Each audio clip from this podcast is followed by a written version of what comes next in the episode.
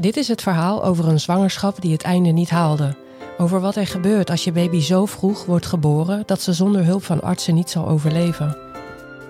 Het gaat over de baby's die vechten voor hun leven en over de ouders die zich staande moeten houden in alle emoties. Over verwachtingen die niet uitkomen en over de periode erna. Podcast Prematuur gaat over de helden van het eerste uur. Ik ben Vanessa. Welkom bij Podcast Prematuur.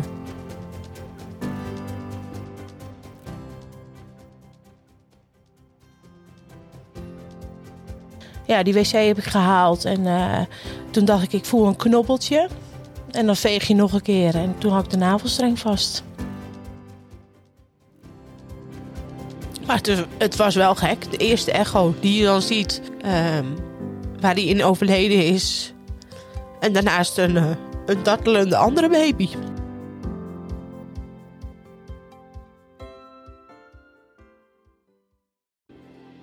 Bij elke vraag tijdens mijn voorbereiding van het gesprek van vandaag zei ik tegen mezelf: Dit kan je toch niet vragen? Een continue afweging tussen mijn drang om zo realistisch mogelijk Mirjams ervaring en gevoel neer te zetten, Mirjams kwetsbaarheid als mama van sterrenkindjes, nieuwsgierigheid, een algehele wens om alles bespreekbaar te maken en niks in de taboesfeer te laten hangen, maar natuurlijk ook de gevoeligheid van het betrekken van mijn eigen ervaring bij haar verhaal, onze situaties te vergelijken. Simpelweg de angst om me bezwaar te voelen dat Vince het wel heeft overleefd en dat we ondanks dat een zware tijd hebben gehad. Nou word ik met mijn eigen woorden geconfronteerd. Dit is namelijk wat ik bijna tegen alle ouders zeg die ik spreek: dat ze zich niet bezwaard moeten voelen omdat hun kindje het beter heeft gedaan dan Vince. Dat is natuurlijk zo, maar als een kindje overlijdt, ligt die pijn net even anders. Ik moet me niet bezwaard voelen. Elk verhaal mag er zijn, naast elkaar. Net zoals dat ik nooit jaloers was op ouders van wie hun kindje sneller naar huis mocht dan Vince. Net zoals dat ik echt niemand een zwaar NICU-traject toewens. Dus ik ga me niet schamen voor eventuele tranen mijn kant of eventueel stomme vragen. Praten is nog altijd beter dan zwijgen. Hier is Mirjam. Mirjam, vertel eens over jezelf. Waar kom je vandaan? Hoe oud ben je? Ben je getrouwd? Werk je? Ik uh, ben Mirjam, ik ben 40 jaar, ik woon in Van Huizen. Ik ben, uh, woon samen met Ruud en uh, daar heb ik meer dan vier jaar een relatie mee. Ehm, ik heb totaal vijf kinderen, waarvan de twee oudste meiden van mijn ex-man zijn. Carlijn van 12, Hester van 10. Samen hebben we Josien gekregen, die is net drie geworden. En vorig jaar is onze tweeling overleden, Sander en Dennis. Sander en Dennis. Ja, je kan het al horen, je bent al in tranen. Dat komt denk ik ook door mijn inleiding al. Ja. um, nou, dat geeft niet. Die, die mogen stromen. Um, het is ook de eerste keer dat ik voor de podcast ga praten over kindjes die een vroeggeboorte niet overleefd hebben. Um, het is voor ouders, denk ik, die net een kindje op de NICU hebben liggen, hun grootste angst. Uh, dat was het voor mij en Daarom vind ik het moeilijk om over te praten. En gisteren zei ik dit tegen mijn man en hij kreeg direct tranen in zijn ogen. Maar dat dit moeilijk is, betekent niet dat, dat we het uit de weg moeten gaan. Want alle verhalen moeten verteld worden, hoe moeilijk ook. En wat ik vermoed is dat een kindje verliezen net zoiets is als te horen krijgen dat je kanker hebt of een vroeggeboorte meemaken. Je weet pas wat het is als je het doormaakt. Is dat misschien, gelijk mijn eerste vraag, is dat misschien waar je tegenaan loopt? Dat mensen soms niet weten wat ze tegen je moeten zeggen. Dus of negeren ze het of zeggen ze iets ja, ongelukkigs? Uh, ze, zeggen even of aan van je moet meteen een plekje kunnen geven. Nou, dat kan niet. Maar wat ook gebeurt is dat ze er of niet over willen praten. Dus de naam van de jongens worden niet gezegd. Gelukkig zijn er wel een heleboel mensen die dat wel doen. Mm -hmm.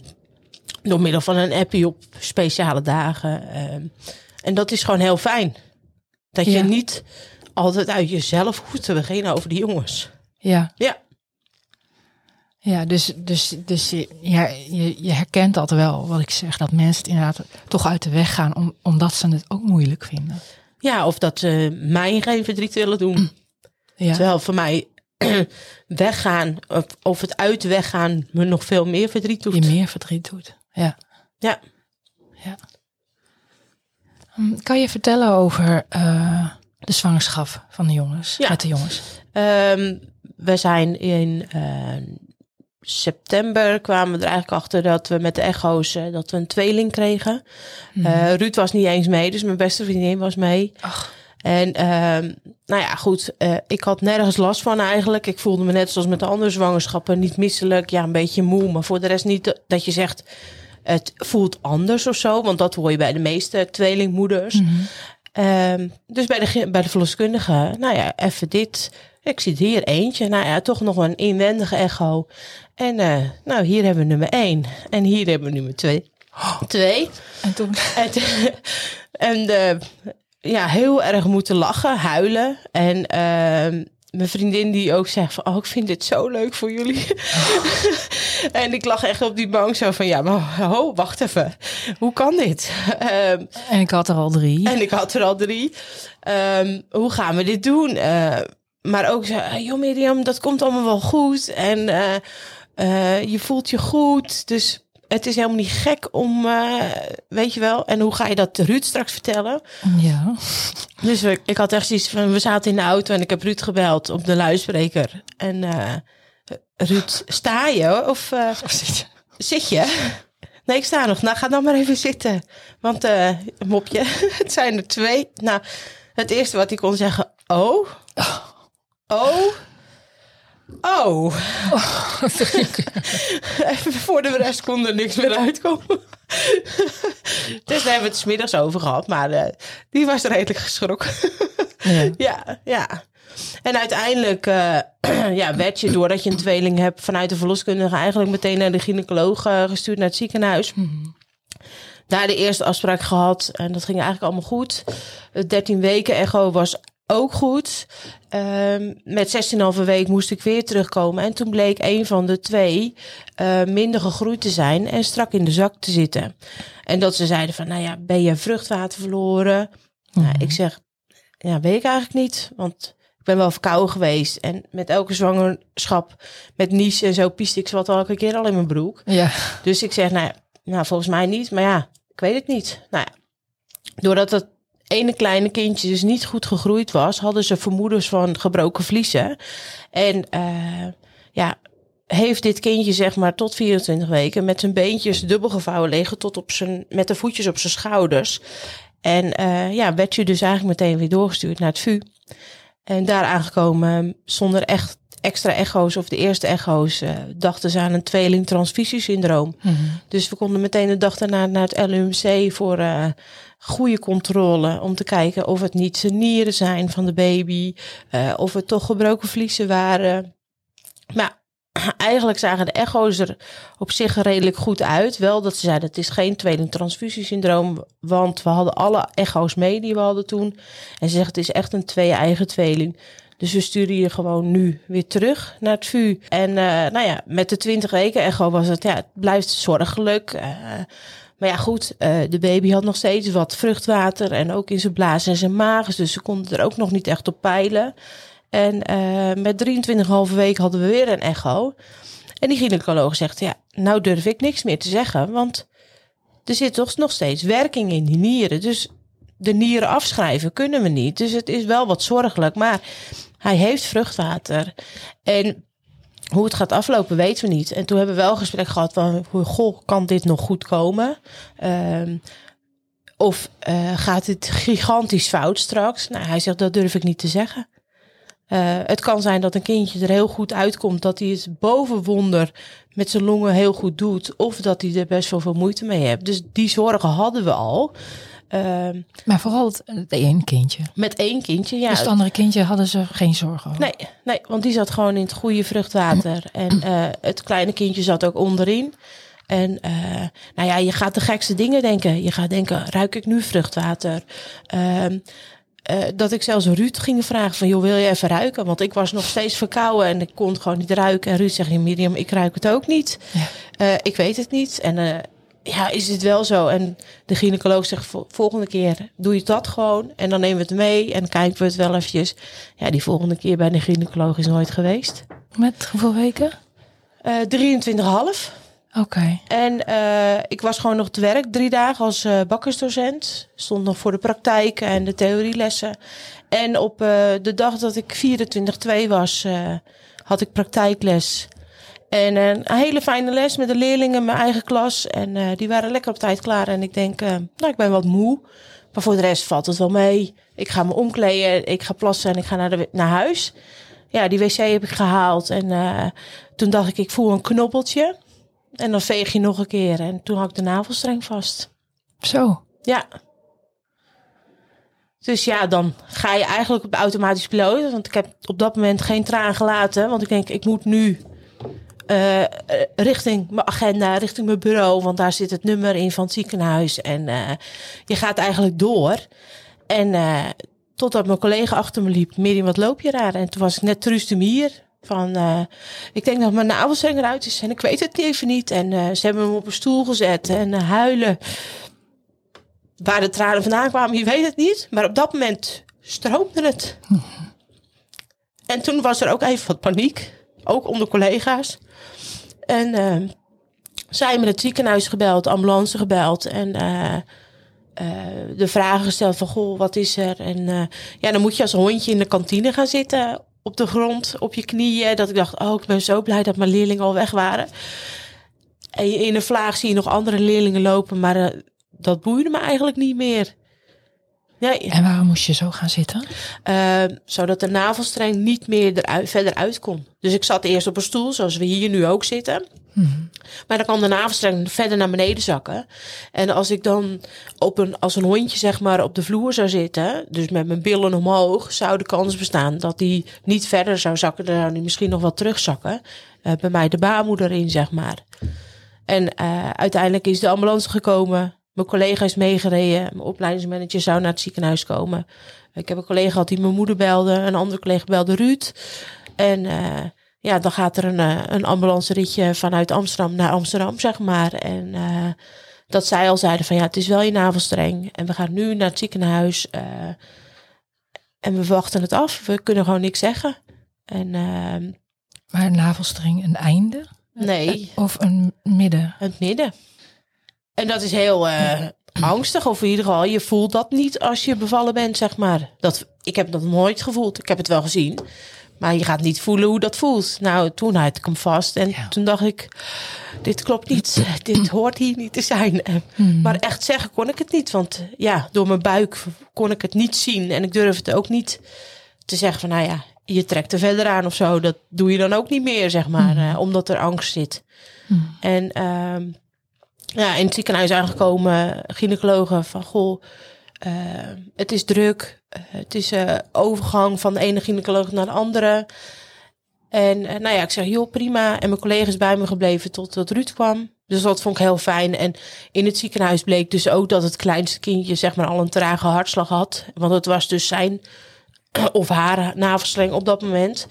Uh, omdat we bij hem gewoon niet wisten wat we zouden krijgen. Dennis liet het al wel zien. Mm-hmm. En uh, nou ja, dan krijg je allemaal informatie. Wat gaat er gebeuren? Wat gaan ze liever niet doen? Want ja, nu halen met 24 of 2 hebben ze gezegd dat doen we niet. Want dit kindje overleeft het eigenlijk al niet. En baby 2 zijn we bang van dat het ook niet redt.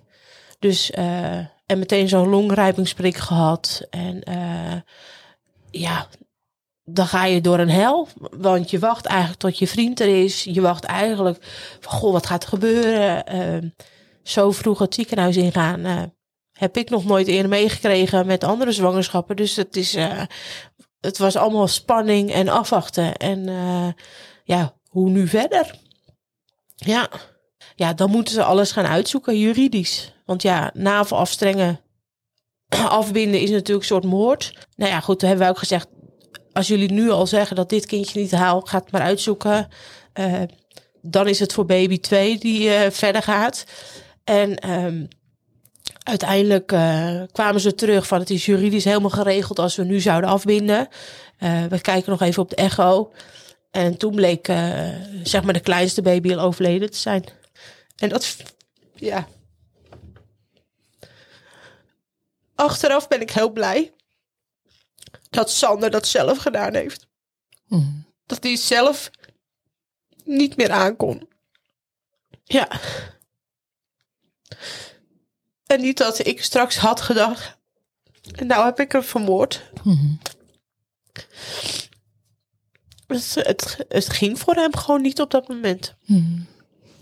En eh, doordat Sander overleed en overleden was in mijn buik, was natuurlijk het hele juridisch plan ging aan de kant. We gaan nu verder eh, voor jou en je andere baby. En eh, we navelen af en hopen dat de baby die overleden is heel lang in je buik blijft zitten. Zodat de groei is voor een ander. En eh, voorlopig ga je niet het ziekenhuis meer uit. Ja. En hoe is dat om, om te weten dat er een overleden kindje bij is, bij je andere kindje? Heel gek. Heel gek. Maar op zich ook wel weer mooi. Want ze zijn nog samen. Mm. Ehm, maar het, is- het was wel gek. De eerste echo die je dan ziet, ehm, waar die in overleden is. En daarnaast een, eh, een dartelende andere baby. Mm. Die al even groot was. En eh, ja, dat is gewoon heel gek. Ja. En ja. Daarna is er nooit meer een echo geweest waar ze met z'n twee op hebben gestaan. Nee. Nee, ze laten liever een overleden baby zitten. Zodat de kans bestaat dat de baby 2 ja, veel langer eh, blijft zitten. En sommige baby's eh, worden pas met 38 weken geboren. Dus dan zou je dus eh, zeg maar 12 weken met een dood kindje Mhm. al in je buik zitten. Maar dat hebben ze liever dan dat ze dit kindje halen en die andere laten zitten. En Ja. noemden jullie hem ook baby 2? Of Nou ja, op dat eerste moment hadden we natuurlijk, wisten we van baby 2 dat dat al een jongetje zou worden. Maar als we het maar van één baby weten en niet van, baby van de tweede baby ook niet, dan gaan we gewoon niks zeggen. Nou, het geheim. De wens voor de meiden was wel een broertje. Dus wij wisten dat die wens al in ieder geval boven water was. Dus jij zei ja, toen kwam ik het ziekenhuis niet meer uit, dus jij lag daar en Ja. dit was allemaal. Ik neem aan dat de maatschappelijk werkster bij je langskwam en ehm, Uiteindelijk krijg je gewoon maatschappelijke hulp, zeg maar. Of in ieder geval, het hoeft niet meteen. Want dat is ook, ze zegt dat kan allemaal. Als het zover is en je hebt het nodig, kun je dat gewoon krijgen. Er waren natuurlijk alle dagen gesprekken met de artsen van, goh, hoe ziet het eruit? Eh alle CTG-scannen die eh, elke dag gemaakt moesten worden. eh, eh, alles maar eh, om te kijken van, goh, wat gaan we doen? En wij hadden wel gezegd, wij willen actieve opvang hebben als baby 2 geboren wordt. Eh, want dat ligt tussen de 24 en 26 weken, ligt dat bij de ouders. mm, En vanaf 26 weken is dat zeker aan de arts om te zeggen van we gaan actief opvangen. En in die periode ervoor is het aan de ouders om te kiezen. mm, En wij hebben op dat moment wel gezegd, als baby 2 over zou komen en ze moeten meer dan een uur reanimeren, houdt het ook op. mm, Want anders kan het zijn dat hij ook geen leven zou hebben. mm. Dat was ook een verschrikkelijk moeilijk gesprek. Ja, is het ook. En daar nemen ze je echt heel, goed in mee. Vond ik echt heel fijn. Alle dingen die je wilde vragen, konden vragen, dat kon je doen. Eh, Ruud en ik hadden het er heel veel over. Wat gaan we doen? Eh, hoe zien we dat? Ja, weet je, dat is gewoon heel verdrietig en heel heftig om die dingen te moeten zeggen. Maar je krijgt ook meteen uitleg, omdat onze baby 1 natuurlijk overleden was. Van goh, eh, als de baby geboren wordt, kunnen we Stichting Stilbellen voor fotograferen enzovoort. Zodat er maar in ieder geval al iemand bij is of eh, foto's kan maken met die baby. Ja, niet weten wat er zou gebeuren daarna, zeg maar. Want tot, tot hoe lang eh, bleef baby 2 in de buik? Of hoe, hoe kwam de bevalling überhaupt op gang? Met drie dagen begon s'nachts bij mij eh, en ik was alleen. Ruud was thuis bij de meiden en bij mijn ouders. En ehm, ja, dat ik wakker werd van, ik moet naar de wc, ik voel me toch wat raar. En, ehm, en ik had al wel aangegeven, ik beval heel snel of heb er weinig last van. Dus ik heb eigenlijk naar de wc gebeld van, joh, ik voel me wat anders. Ik kan nog niet echt zeggen dat het weeën zijn, eh, maar toch eh, hebben ze eigenlijk alles in werking gezet. Van ja, ze zeggen, we zien toch dat er wat beginnend is. Dus we gaan naar je verloskamer brengen. En ehm, we gaan je man bellen en, eh, en we gaan, zeg maar. Ruud is om tien voor twee gebeld. En ik lag om uh, twee uur in de bevalkamer. En om kwart over twee gaven ze aan van dat het lichaam eigenlijk al geboren was en in het geboortekanaal lag. En uh, dat het eigenlijk alleen het hoofdje nog een beetje stond op mijn baarmoedermond. En uiteindelijk is Sander om half drie geboren. waar Ruud niet bij was. Dus dat stukje heb ik alleen moeten doen. Met een hele super verpleegkundige en een gynaecoloog. Um, en Ruud kwam om uh, kwart voor drie binnenlopen, zeg maar. En die had dus eigenlijk de eerste bevalling gemist. Ja. En dat is heel gek, want dat verwacht je helemaal niet. Uh, we hadden een jongetje wat heel klein was, maar wel helemaal compleet. Ja. Um, toch 29 centimeter. Met hoeveel weken? 24,5. Zo. Ja, wogen helaas nog geen pond. Dus ze konden ook wel zien dat het echt met die vliezen te maken hebben gehad. En toen zeiden ze ook wel van ja, doordat die navelstreng naar buiten is gekomen, heb je gebroken vliezen gehad vanaf, uh, nou ja, zeg maar 16 weken. Ja. En uh, ze hadden de verwachting dat uh, baby 2 ook zou komen. Dus alles stond eigenlijk klaar. En ze hebben wel gezegd van als de weeën minder worden, dan gaan we je aan de weeënremmers leggen. Voor 24 uur en dan weten we niet wat er daarna gaat gebeuren. En gelukkig uh, gebeurde dat ook. De weeën werden minder. Dat konden ze zien aan mij, want ik werd rustiger eigenlijk. En uh, ze hebben me om uh, vijf uur aan de weeënremmers gelegd voor 24 uur. helaas braken mijn vliezen van baby 2 om half zeven. Dus we hadden wel zoiets van, nou, we moeten hier nu, doordat die vliezen gebroken zijn, wel alle dagen temperaturen. Uh, want gaat het bij jou mis, dan kan het zijn dat we baby 2 moeten gaan halen. En uh, elke dag die langer zit is uh, beter, zeg maar. Uh, hmm. En Sander is op vrijdag geboren. En s'avonds hebben de meiden hem gezien. En mijn Ruud, zijn broer en zus met zwager en zus, zeg maar, die waren even geweest. En uh, de meiden wilden hem heel graag zien. Hmm. Ja. En dan heb je Josien lopen van uh, nog geen twee. Die moest twee worden. En uh, dat luchtige van haar deed op zich ook wel weer goed. Want wat zeiden ze? Um, nou ja, ze kwamen eigenlijk binnen met dikke tranen. Van ja, mam, ik vind het zo erg. Oh. maar we hebben in ieder geval een broertje.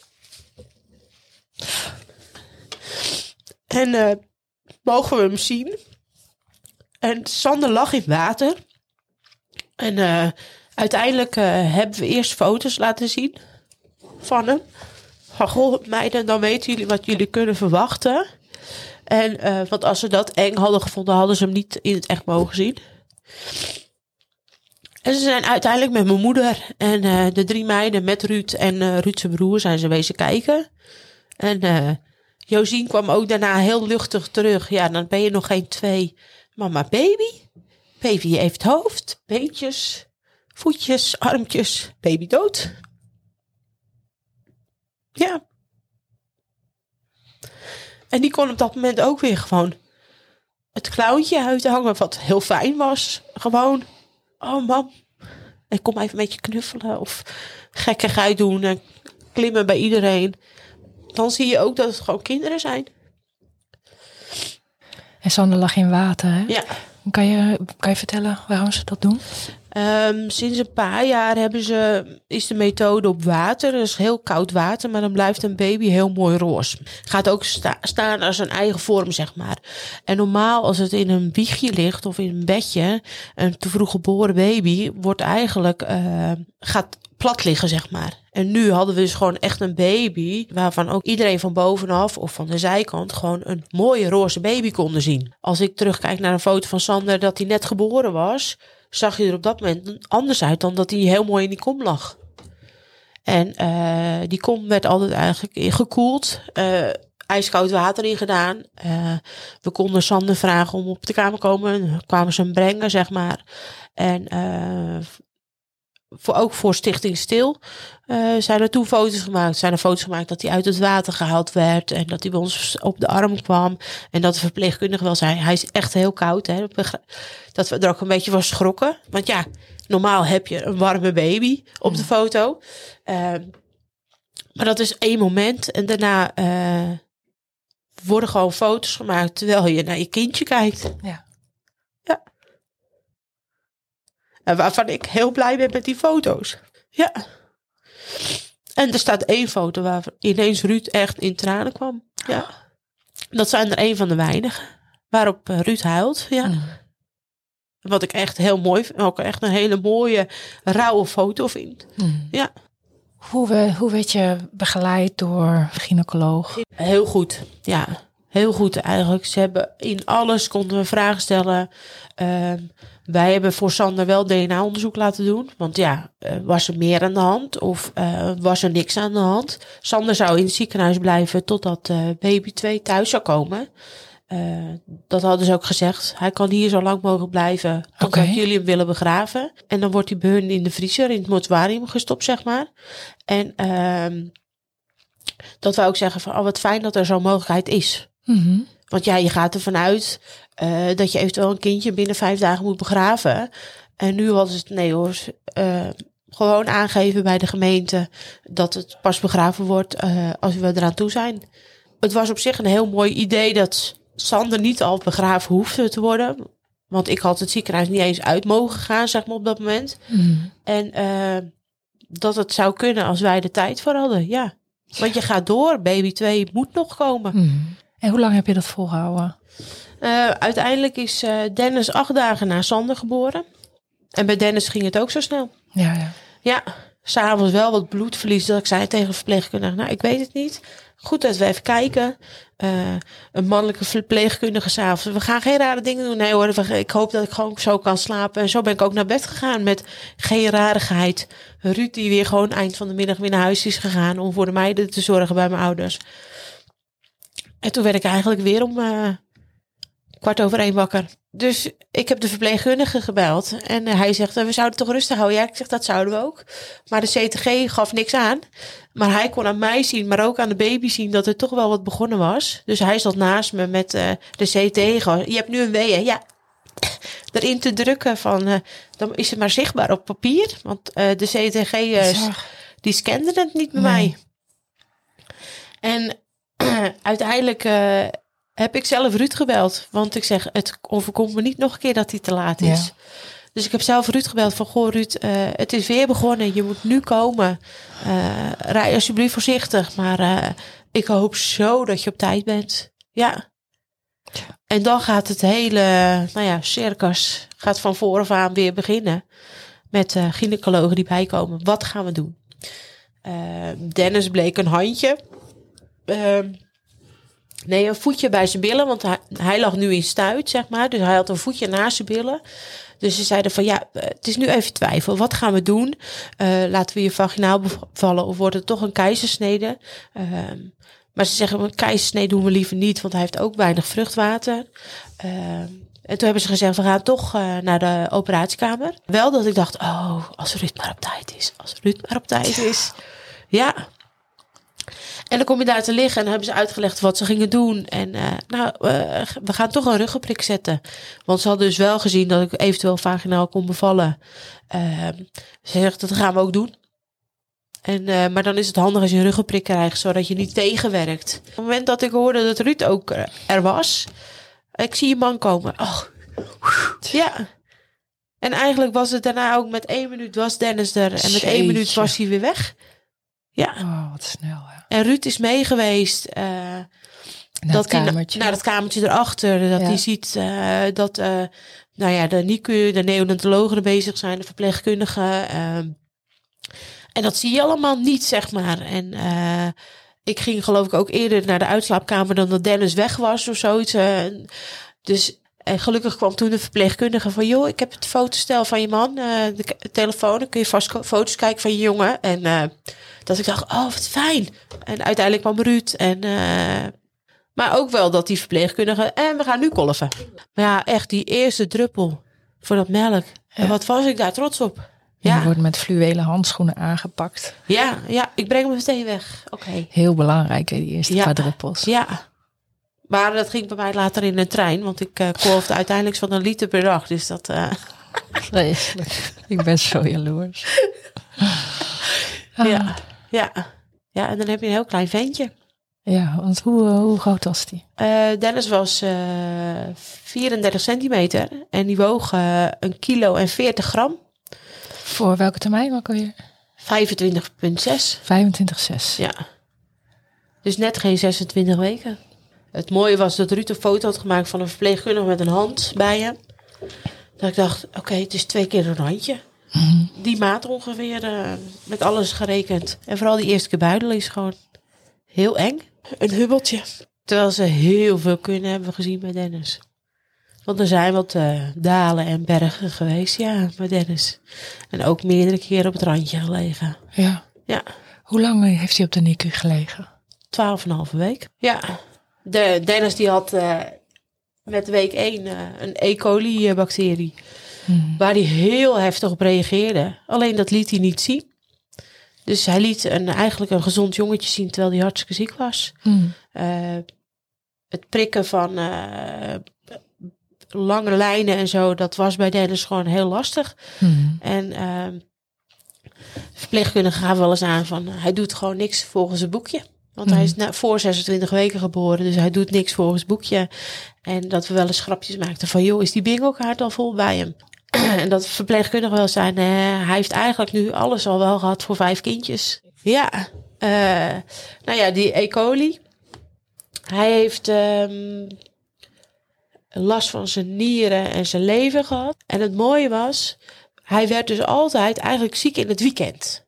Of het nou vrijdag was, zaterdag of zondag. Maar we werden dan vaak op zaterdag gebeld. Hij is nu geïntubeerd. Dat ik dacht, "Oh, niet waar. En dat was de eerste weken. En nou, op donderdag zeiden we, nou, wanneer begint hij nu weer ziek te worden? Want dan was het weer een paar dagen rustig. En dan werden we op vrijdag gebeld. Het gaat niet goed, jongens. En eh, vorig jaar was er storm Dennis buiten. Mhm. En ehm, toen zeiden wij van, eh, nou, dat zul je net zien. En dan buiten stormt het en Dennis doet dit weekend niks. Nou, dat was dus ook waar.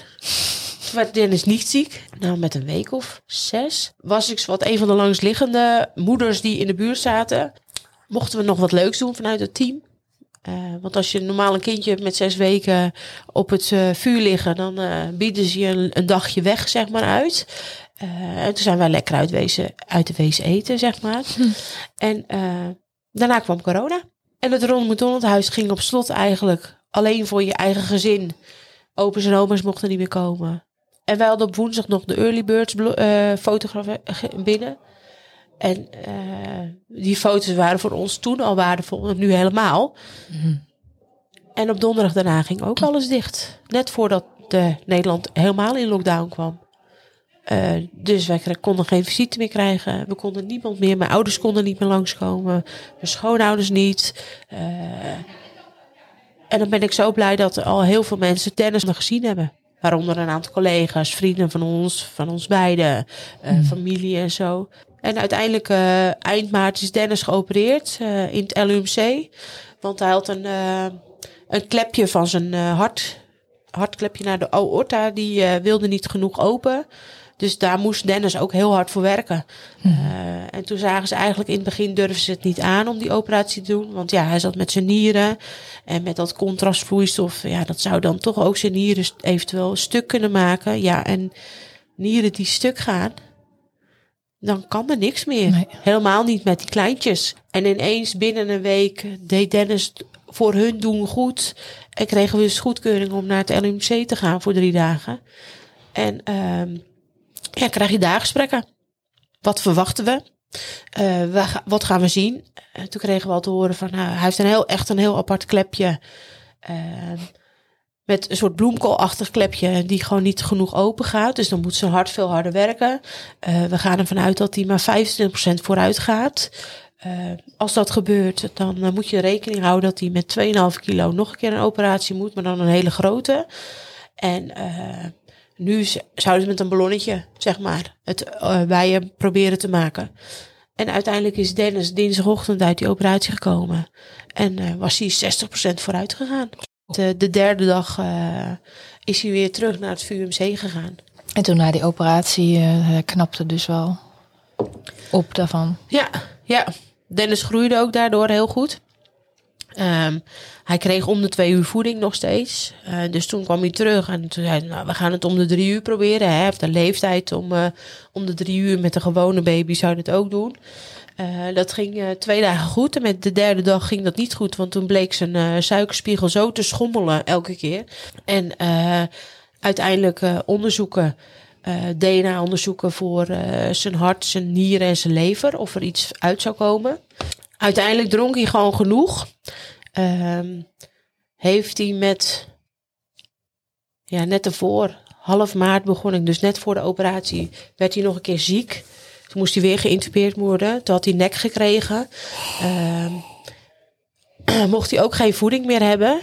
En, uh, Sorry. Mhm. Dus doordat ik uh, een liter kolfde, heb ik uh, me aangemeld bij de moedermelkbank. Mm uh, die natuurlijk heel blij met me waren. Want ja, mhm. Dennis kreeg drie dagen geen melk. En ik kon zeg maar minimaal drie, drie liter melk per dag. Of die, die drie dagen inleveren. Uh, zodat het maar naar de volgende baby's ging. En, uh, dus dat heb ik toen een maand gedaan. maar Dennis groeide eigenlijk zo hard dat hij naar minder zuurstof ging. Hij heeft zelfs tot 1 liter zuurstof gezeten. Omdat ze ook zoveel moesten prikken. Hadden ze we willen die lijn erin hebben. Want dan hoeven we minder te prikken. Want ja, al die voetjes van hem, die hmm. waren helemaal blauw. En ze konden elk plekje hebben. En dan lukte het wel, dan lukte het niet. Of hij sneuvelde die infuus en zo. Ze zeggen, ja, het moet nu gewoon gebeuren. Hij moet nu dat andere infuus hebben. Zodat we makkelijker bloed uh, kunnen afnemen bij hem. En dat is gelukkig gebeurd. En met tien weken hebben we geboortekaartjes uh, laten maken en verstuurd. Dus net voor Pasen kregen we ons iedereen de geboortekaartjes binnen van de jongens.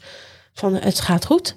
Nou, met uh, twaalf en halve week zou hij geopereerd worden. Moest nog door de MRI vanwege dat hij ook een bloeding in zijn hoofd had gehad met kiesjes uiteindelijk. Uiteindelijk uh, heeft hij in het weekend een nieuw medicijn gekregen. Omdat het ene medicijn voor zijn alvleesklier niet werkte. we wisten dat hij vocht zou vasthouden door het medicijn, dat wisten we.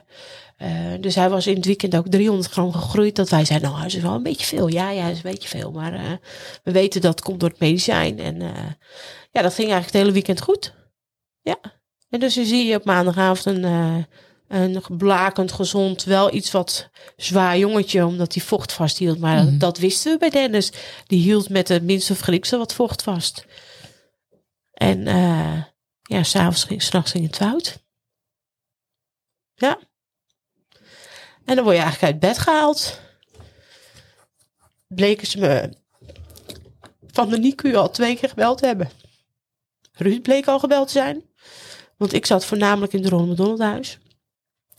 Maar werd ik door de nachtbewaakster uit het Ronald huis uit bed geplukt. Ja. Want het ziekenhuis had dus ook het Ronald McDonald huis gebeld. Van we krijgen er niet te pakken. Wil je er wakker gaan maken? Hmm. En dan kom je op het ziekenhuis met een kindje wat uh, nog meer opgeblazen was dan s'avonds. Waarvan je te horen krijgt dat hij al één keer gereanimeerd is. De tweede keer was ik bij. Omdat zijn bloeddruk laag bleef. Nou, dat werd Langzaamaan ging dat weer omhoog. Nou, daarna kwam Ruud erbij. De artsen hadden gezegd, we weten gewoon niet wat er gebeurt. We staan even met onze rug tegen de muur. We doen alles eraan om, uh, om hem hier uit te laten komen. En toen werd hij langzaamaan stabieler. En waren er wat vermoedens uitgesproken. En dat ik dacht, hier komt hij ook uit. Hij heeft al wel die gekke dingen gedaan.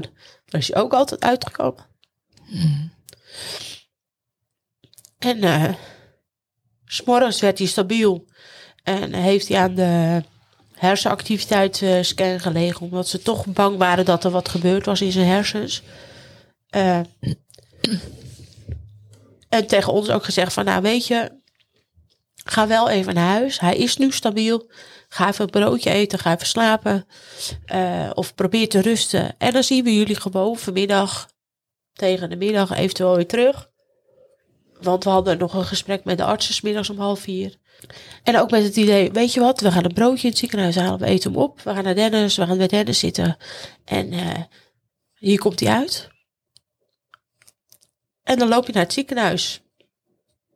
En dan word je gebeld. Het gaat niet goed. En toen zei ik nog uit de grapje nou jullie hebben Marcel. We lopen, eh, we lopen onder de brug. Dus we zijn er zo, maar we komen eraan. En eh, dan kom je op de afdeling. Met een kindje wat nog veel meer opgeblazen is. Met een buik die zo glad is als een bowlingbal. Zo groot. Waarvan we dachten, ik weet het niet. Ja. En waar we, nou ja, dat alles aan pompen erin zat. Alles erbij was. Uh, artsen die vlogen, verpleegkundigen die vlogen.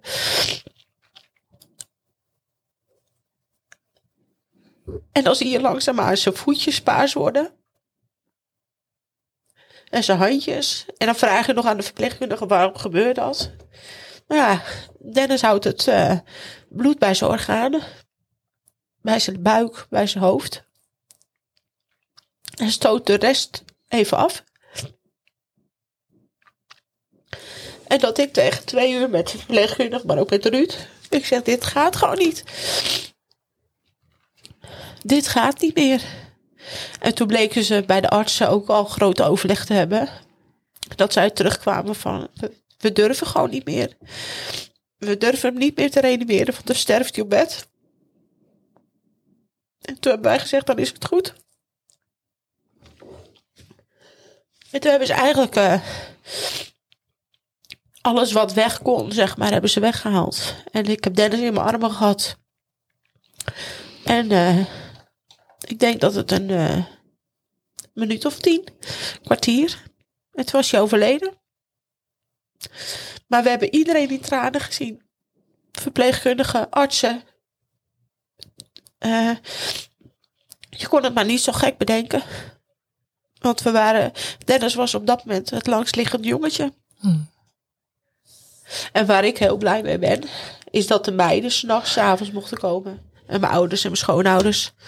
Dat die dus Dennis mochten vasthouden als ze dat wilden. Dat ze uh, uiteindelijk hebben Carlijn en Hester, eh, de oudste twee meiden, Dennis gezien in het, uh, op de NICU. Uh, in de couveuse. Want ja, dan mochten ze komen omdat ze oud genoeg waren. Uh, Josine had hem nog nooit in het echt gezien. Dus dat was ook het eerste moment. En het laatste moment dat hij hem in het echt mocht zien en vasthouden. Ja. En hoe, uh, hoe zij dan dingen in zich opgenomen hebben die we dan later te horen kregen. Dat ik dacht, je hebt dingen gezien die ik op dat moment niet meer zag. Mhm. En die je dan later wel weer terugziet op foto's. Maar ik dacht, jij als tweejarig meisje hebt dingen gezien. En ook het luchten van Dennis moet nu maar weer gaan slapen in zijn bedje. Kan je een voorbeeld geven? Uh, Dennis had een uh, tong die iets naar buiten stak, zeg maar. En uh, ineens zei Josine in de auto: Mama, Dennis deed zijn tong. Dan ging ze dat voordoen hè, in de auto. Dus ze zit in de auto. Mama, Dennis had zijn tong naar buiten. En er zat een sneetje. Dus dan zei ze: Dat is het sneetje. en ik had gezegd: nou, dat zal wel. Maar ik ging mijn foto's terugkijken.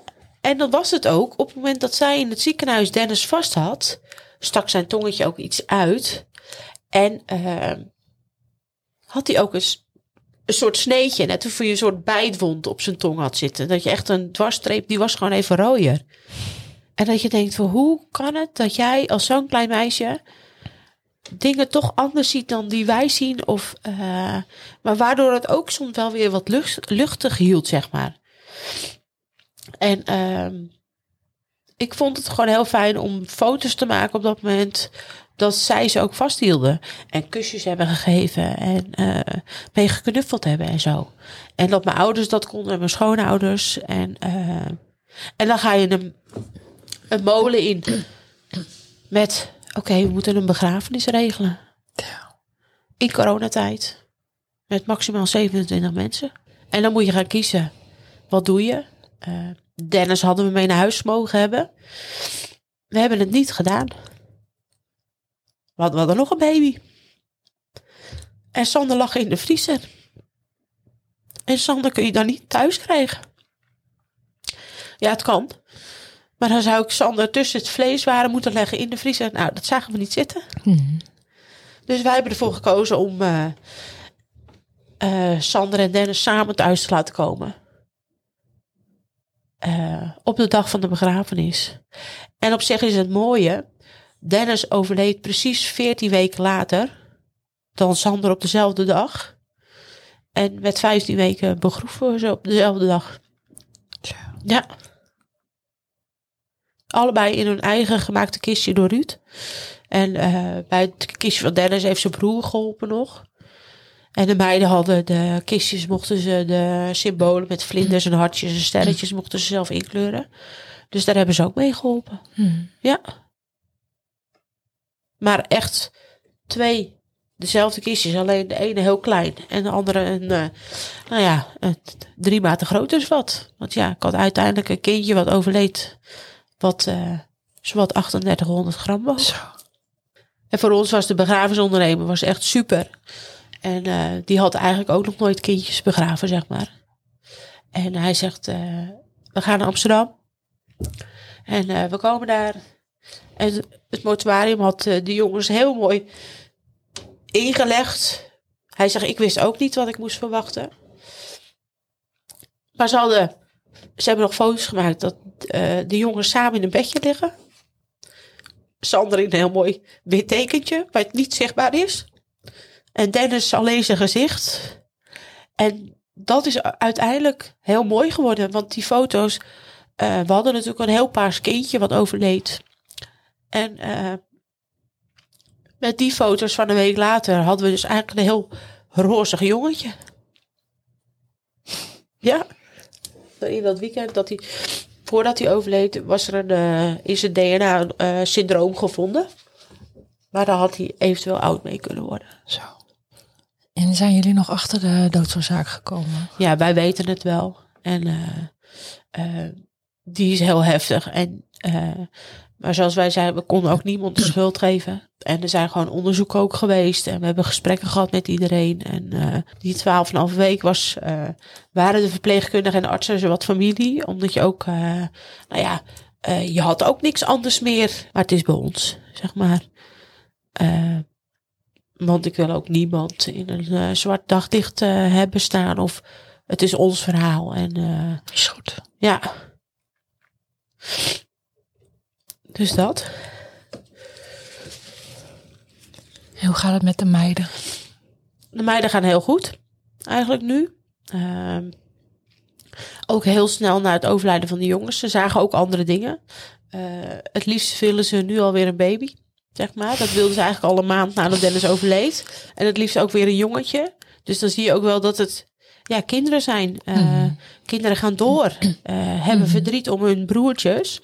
Eh, maar zien ook weer mogelijkheden voor de toekomst. Eh, eh, de oudste twee meiden hebben wel wat hulp gehad de kinderpsycholoog en gesprekken op school. omdat ze er ook wilden over praten. En eh, dat is het fijne van in zulke dagen. Je leert mensen kennen waarvan het ook gebeurt dat kindjes overlijden. eh, overlijden. Eh, daar heb je andere gesprekken mee dan met mensen die dat niet hebben meegekregen. Ik heb met een heleboel NICU-ouders nog heel veel contact. Daar ben ik echt heel blij mee. En ook dat ze foto's van hun kinderen sturen. Ik ben ook op trots. Trots op hun, zeg maar. En hoe zij het doen. Al had ik natuurlijk liever ook gewoon twee jongetjes gehad van 16 maanden. Maar dat blijft. En het mooie is ook, ik kan verdrietig zijn. Maar ik kan ook met heel veel mooie dingen terugkijken op een hele heftige periode. En het feit dat je stichtingen vindt die iets doen in naam van je overleden kindje. Wat heel mooi is. Mhm.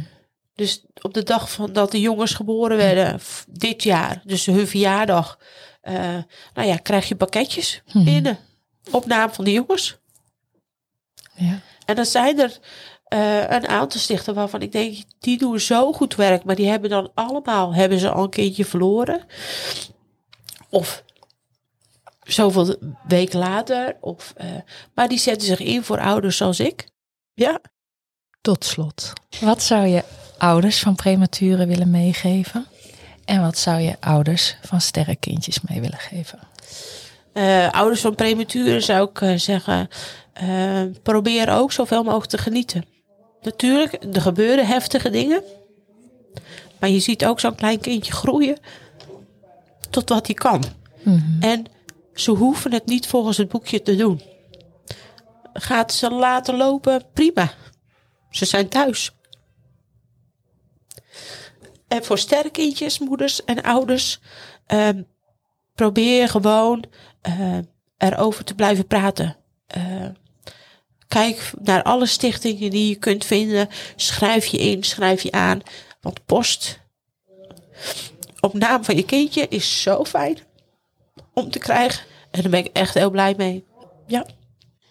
Dankjewel. Graag gedaan.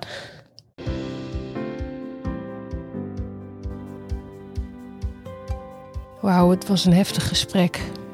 En mooi en intens. Maar natuurlijk vooral heel verdrietig om Mirjam's pijn te zien. En ook frustrerend omdat ik behalve een luisterend oor te bieden haar niet kan helpen. Maar wat blijkt dat juist door erover te praten, ik haar kan helpen. Ik begon het gesprek met de vraag hoe mensen Mirjam benaderden rondom het overlijden van Sander en Dennis. En nou blijkt dat mensen het moeilijk vinden om erover te praten. Bang zijn om haar te kwetsen, maar misschien ook niet zo goed weten wat dan precies te zeggen. Ik heb in mijn leven zelf ook verlies gekend. En ik voorzie nog meer verdriet door verlies. In die zin herken ik het ook zeker dat mensen het moeilijk vinden om een gesprek te beginnen over verlies door de dood. Toen ik 16 was, overleed mijn vader. Kort na zijn crematie is de laatste vraag over hem gesteld en sindsdien nooit meer. Alsof daarmee de kous af was. Ik heb zelf nog minstens tien jaar daarna tegen hem aangepraat als tegen een goede vriend of vriendin. Aan de ene kant jaagt ons leven maar door. Uren worden weken, weken worden maanden en maanden worden jaren, soms zonder dat je er erg in hebt. Aan de andere kant wordt de dood in onze maatschappij ook als een taboe behandeld. Het overkomt ons, maar we hebben er geen grip op. Dit is heel anders dan in Azië, waar bijvoorbeeld de dood uitgebreid gevierd wordt als een bevrijding en men feestelijk samenkomt om de reïncarnatie te zegenen.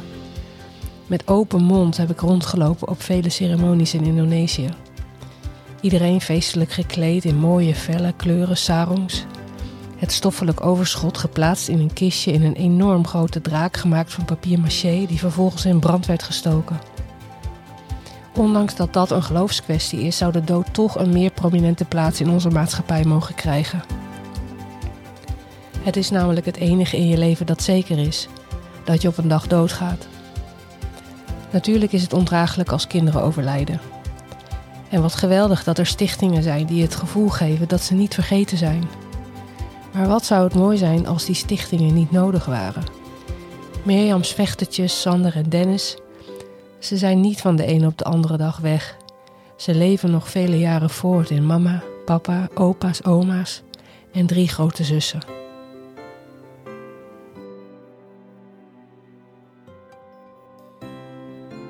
Podcast Prematuur over de helden van het eerste uur. Gemaakt door mij, mama van zo'n held.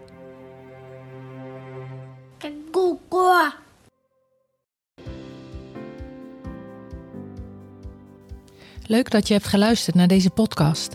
Ik weet niet of je zelf moeder of vader bent van een prematuur of op een andere manier betrokken bent, maar heb je iets aan deze aflevering gehad, iets geleerd, iets herkend en denk je dat anderen het ook waardevol zullen vinden?